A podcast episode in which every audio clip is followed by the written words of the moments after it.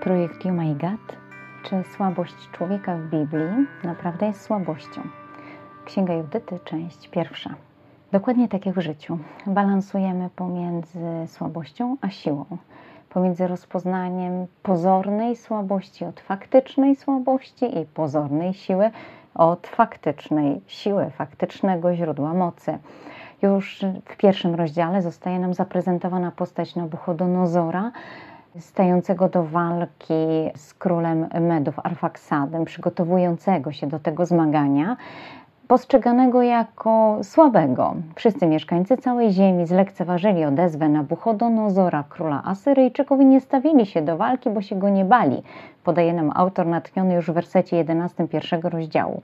Uważali Nabuchodonozora za człowieka osamotnionego i dlatego odesłali jego posłów z niczym, nadto ich znieważając. Potem nastąpi kilkanaście wersetów później ekspresja potęgi Nabuchodonozora, ale za chwilę się znowu okaże, że jest to siła absolutnie ograniczona. Już na początku też księgi e, ujawnia nam się pozorna słabość czy byle jakość wiedzy autora natchnionego, dlatego że dokonuje on pomieszania realiów. Nigdy Nabuchodonozor nie był królem Asyryjczyków. Jest on Babilończykiem i sprawował władzę już po upadku monarchii asyryjskiej i tych błędów historycznych można by tutaj wymieniać niezwykle dużo. Zatem dlaczego autor natchniony decyduje się na tego typu słabość w swojej księdze? Tego typu błędy właściwie przykuwają uwagę. Przykuwają uwagę, dlatego że rażą swoją oczywistością. Co ciekawe, że ich wielość nie deprecjonuje rangi księgi, ale stawia pytanie, czy nie jest to celowa maniera. Jeżeli ma to jakiś sens, to gdzie on jest ukryty, ku czemu ukierunkowany? Człowiek ma pragnienie poznania sensu tego typu zabiegów, wciąga go to tym samym w lekturę księgi powstaje pytanie, czy przypadkiem przez takie zaciemnienie realiów nie pojawia nam się myśl u autora natchnionego, taka sugestia o uniwersalizmie przekazu, o tym, że właściwie ta historia ma miejsce w każdych okolicznościach i w każdym wieku. Ale wróćmy do fabuły. Holofernes, kolejna postać, przy której balansujemy pomiędzy siłą a słabością. Zaczyna się właściwie od proklamacji siły, a kończy na słabości. Zerknijmy do szóstego rozdziału, wersetu drugiego. Holofernes kwestionuje wypowiedź Achiora i mówi: Powiedziałeś, by nie walczyć z narodem Izraela, ponieważ ich Bóg będzie ich osłaniał tarczą. A któż jest Bogiem, jak nie Nabuchodonozor? On pośle swoją potęgę i wytraci ich z powierzchni ziemi, a ich Bóg nie ocali ich. My, Jego słudzy, Nabuchodonozora, pokonamy ich jak jednego człowieka i nie powstrzymają naporu naszych koni. Spalimy ich u nich, Góry nasiąkną, ich krwią równiny się napełnią, ich trupami i nie ostoi się ślad ich stóp przed nami, ale wyginą do ostatniego. To mówi król Nabuchodonozor, pan całej ziemi. Tak jak on powiedział, jego słowa nie będą daremne. Kilkanaście wersetów dalej, a właściwie w trzynastym rozdziale Holofernes straci głowę fizycznie pod ręką kobiety wcześniej umawiając się z nią i doprowadzając się do takiego stanu upojenia, że nie będzie w stanie zarejestrować tego, co się dzieje i po prostu zaśnie. Zatem prezentacja siły pełna zadufania okaże się fałszywą prezentacją. Siła wojska. Wtedy, kiedy jest wódz. W momencie, kiedy okazuje się, że Holofernes nie ma głowy, zostało samo jego, został sam jego kadłub, samo ciało. Wielka odsłona słabości całej armii asyryjskiej. Każdy z żołnierzy bierze nogi za pas i zaczyna uciekać. Izraelici mogą ich gonić. Zatem siła wojska, gdy jest wódz, ale jego ogromna słabość, kiedy lider znika z horyzontu. Jakkolwiek było wielu dowódców przybocznych. Okazuje się, że nie mają oni takiego respektu wśród wojska. A na czym polega siła Izraela? I tu jest inne rozumienie siły i inne rozumienie słabości. Kiedy upadnie Izrael? Wtedy, kiedy zgrzeszy. Co jest słabością Izraela, a co jest siłą? Słabością Izraela jest wszystko, co go oddziela od Boga. Nie jest słabością brak oręża, nie jest słabością brak sił zbrojnych, nie jest faktyczną słabością ani brak wody, ani brak pożywienia. Słabością jest brak kontaktu z Bogiem.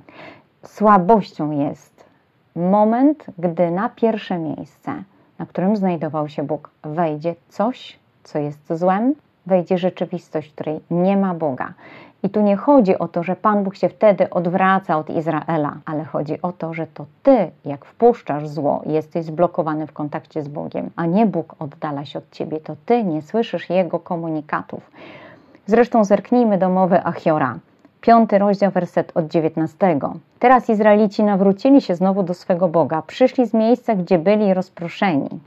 Zajęli Jeruzalem, gdzie znajduje się ich świątynia, zamieszkali górską krainę, ponieważ była bezludna. Jeżeli jest w tym narodzie jakaś wina, jeśli zgrzeszą przeciw swemu Bogu, to my dostrzeżemy w nich przyczynę upadku, wtedy wstąpimy w górę, będziemy walczyli z nimi. Jeśli jednak w tym narodzie nie ma nieprawości, to niech odstąpi Pan mój, mówi Achior do Holofernesa, od nich, by przypadkiem ich nie obronił ich Pan i Bóg, abyśmy się nie stali pośmiewiskiem wobec całej ziemi te słowa Achiora wobec Holofernesa, za które on zapłaci wygnaniem, właściwie oddaniem w ręce mieszkańców Betuli, te słowa potwierdzi Judyta w rozdziale 11. Naród nasz bowiem nie otrzyma kary, ani miecz ich nie zwycięży, jeśli nie zgrzeszą przeciwko swemu Bogu. Ex definitione, jeżeli jesteśmy z Bogiem. Bóg jest naszą siłą. Na czym będzie polegała słabość Betuli, a na czym siła?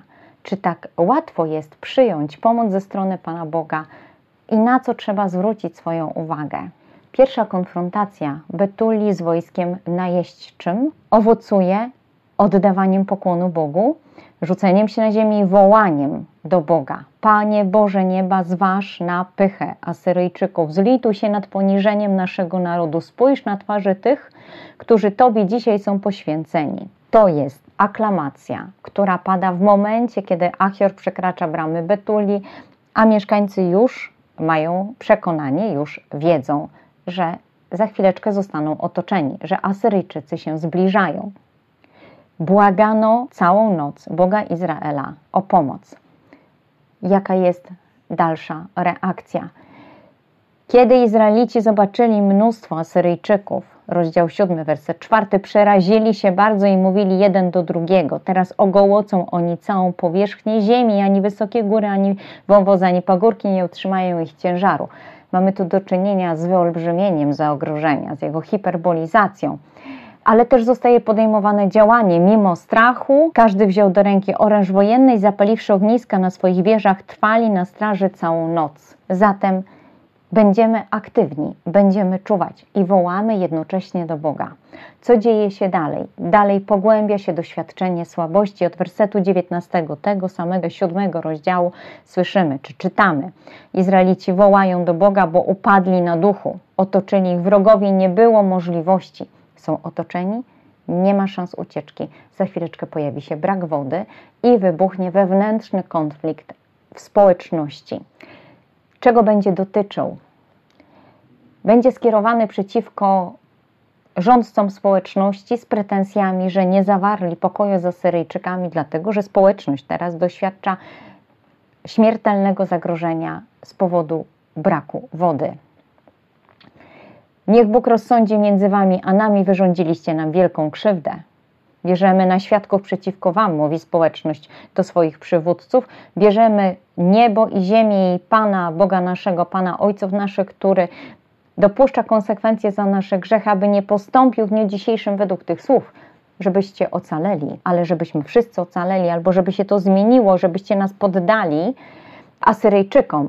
Doświadczenie słabości dla mieszkańców miasta jest niezwykle silne.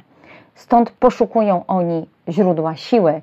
Najpierw w czysto ludzkich rozwiązaniach. Dlatego nic dziwnego, że Ozjasz deklaruje: OK, czekamy pięć dni. Jeśli w ciągu pięciu dni Pan Bóg nie zareaguje, wówczas uczynię stosownie do Waszego życzenia.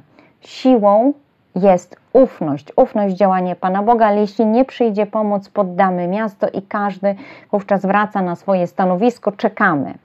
Zakwestionuje tę postawę Judyta, powie To nie jest właściwe zachowanie w przypadku słabości i oczekiwaniu siły od Boga.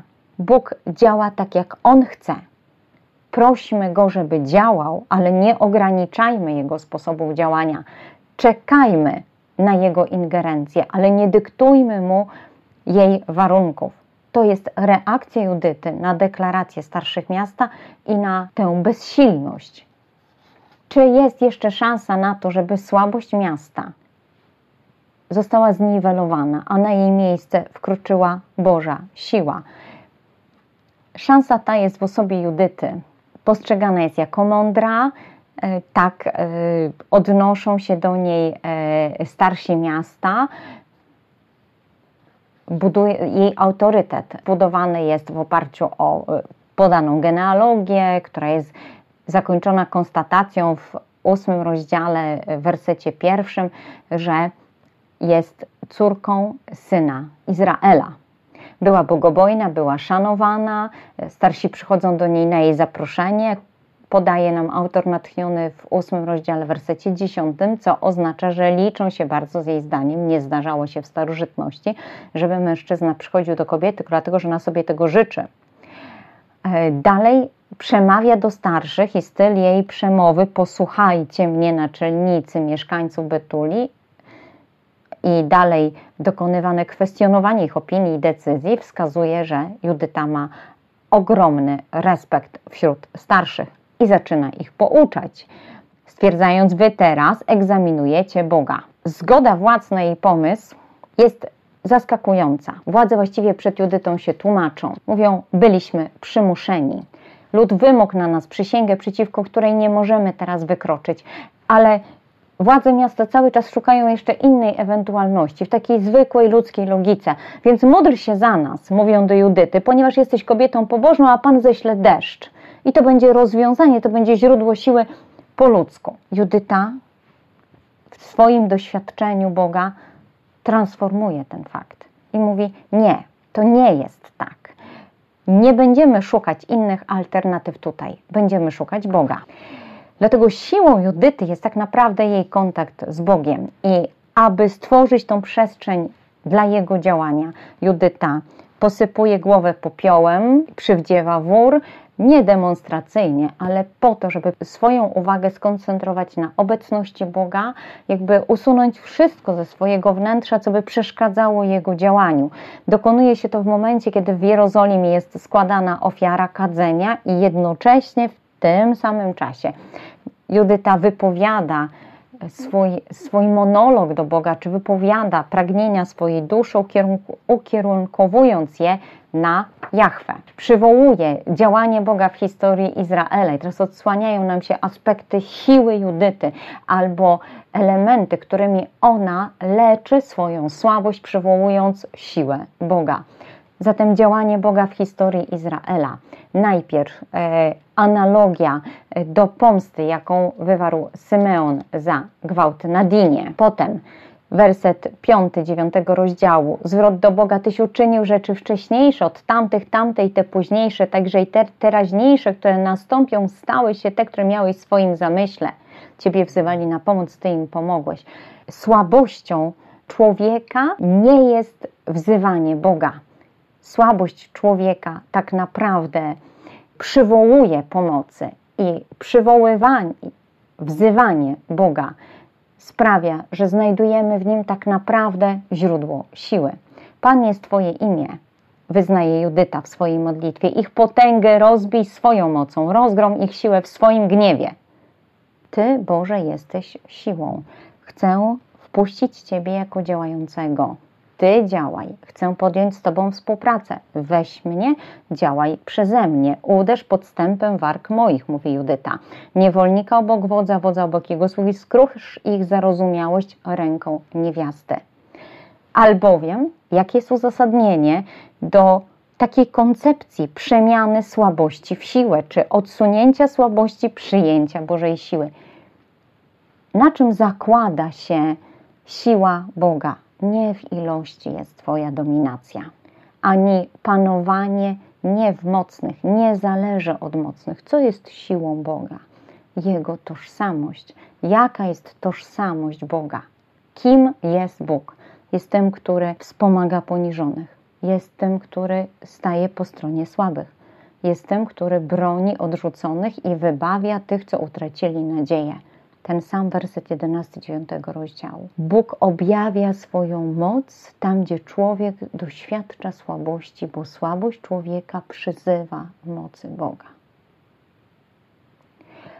On jest Bogiem Ojców. On jest związany z Izraelem. On jest władcą nieba i ziemi. Jego ingerencja w ludzką słabość, jego troska o słabego człowieka nie deprecjonuje jego siłę i faktu, że jest królem wszelkiego stworzenia i stwórcą wód. Co będzie jeszcze siłą Judyty? Jej motywacja. Motywacja, ponieważ Asyryjczycy ukuli okrutne zamysły przeciwko Bożemu Przymierzu, przeciwko domu, Twojemu domowi świętemu, wysokiej górze Syjon, domowi należącemu do Twoich synów, ponieważ sprawa dotyczy przynależności do Boga. Więc należy nie opierać się na słabości, ale otworzyć się na Bożą moc, pozwolić Bogu działać i wejść we współpracę z Nim. Opuszczając Betulię, żegnając się z obrońcami miasta, Judyta oddaje pokłon Bogu. I na słowa, które ją wyprowadzają, niech Bóg Ojców naszych uczyni Cię narzędziem łaski, niech spełni Twoje zamiary ku chwale synów Izraela dla wywyższenia Jeruzalem. Judyta nie jest dumna, nie reaguje autoafirmacją, ale uznaje Boga jako działającego, jako panującego. Gdzie jest jeszcze siła Judyty, która paradoksalnie wyrasta z jej słabości? Kobiecości. W tej dziedzinie, która była zawsze postrzegana jako niezwykle słaba. I teraz Judyta, która tą właśnie przestrzenią, tym sposobem oddziałuje na Holofernesa. Kto może zgardzić takim narodem, mówią żołnierze Holofernesa, który ma u siebie takie kobiety. Naprawdę nie będzie dobrze, jeśli pozostanie z nich choćby jeden mąż, gdy pozostaną przy życiu, będą mogli sprytnie oszukać cały świat. Tak, i siła manipulacji, siła retoryki to też jest e, siła Judyty. I nagle mamy wrażenie, idyliczna historia? Przecież nikt Judyty nie krzywdzi, e, u Asyryjczyków Pan Bóg ją cudownie chroni, ale Judyta skoncentrowana jest na obecności Boga. Codziennie się obmywa, oczyszcza z kontaktu z poganami, ma własne jedzenie, żeby się nie skalać e, pokarmami pogan. I możemy tylko zadać pytanie, czy zachowanie Judyty nie jest wystawianiem Boga na próbę? Ale temu przyjrzymy się w kolejnym podcaście. Na czym polega siła Judyty jeszcze? Nawet jest siłą w rękach. Słaba kobieta, która weźmie w ostatnim momencie akcji przeciwko Asyryjczykom weźmie miecz i obetnie głowę Holofernesowi. A siła Boga, czy słabość Boga względem człowieka? Słabość serca Boga względem serca człowieka? Bez względu na fakt, czy człowiek uznaje suwerenność i moc Boga, czy nie uznaje. Bóg jest potężny. Nie ma dla Boga rzeczy niemożliwych. Warto wsłuchać się w Jego myślenie, by powierzając Mu swoje sprawy, wiedzieć, że On patrzy szerzej i patrzy dalej, i że On posiada lepsze poznanie, i że Bóg posiada lepsze rozwiązania niż te, które my potrafimy wymyślić. W związku z czym, gdzie jest źródło prawdziwej siły? Gdzie jest prawdziwa słabość? One obie się spotykają przy Bogu, który wspiera i wyprowadza z każdej słabości, i przy Bogu, który jest silny, pełen mocy, bo jest Bogiem kochającym.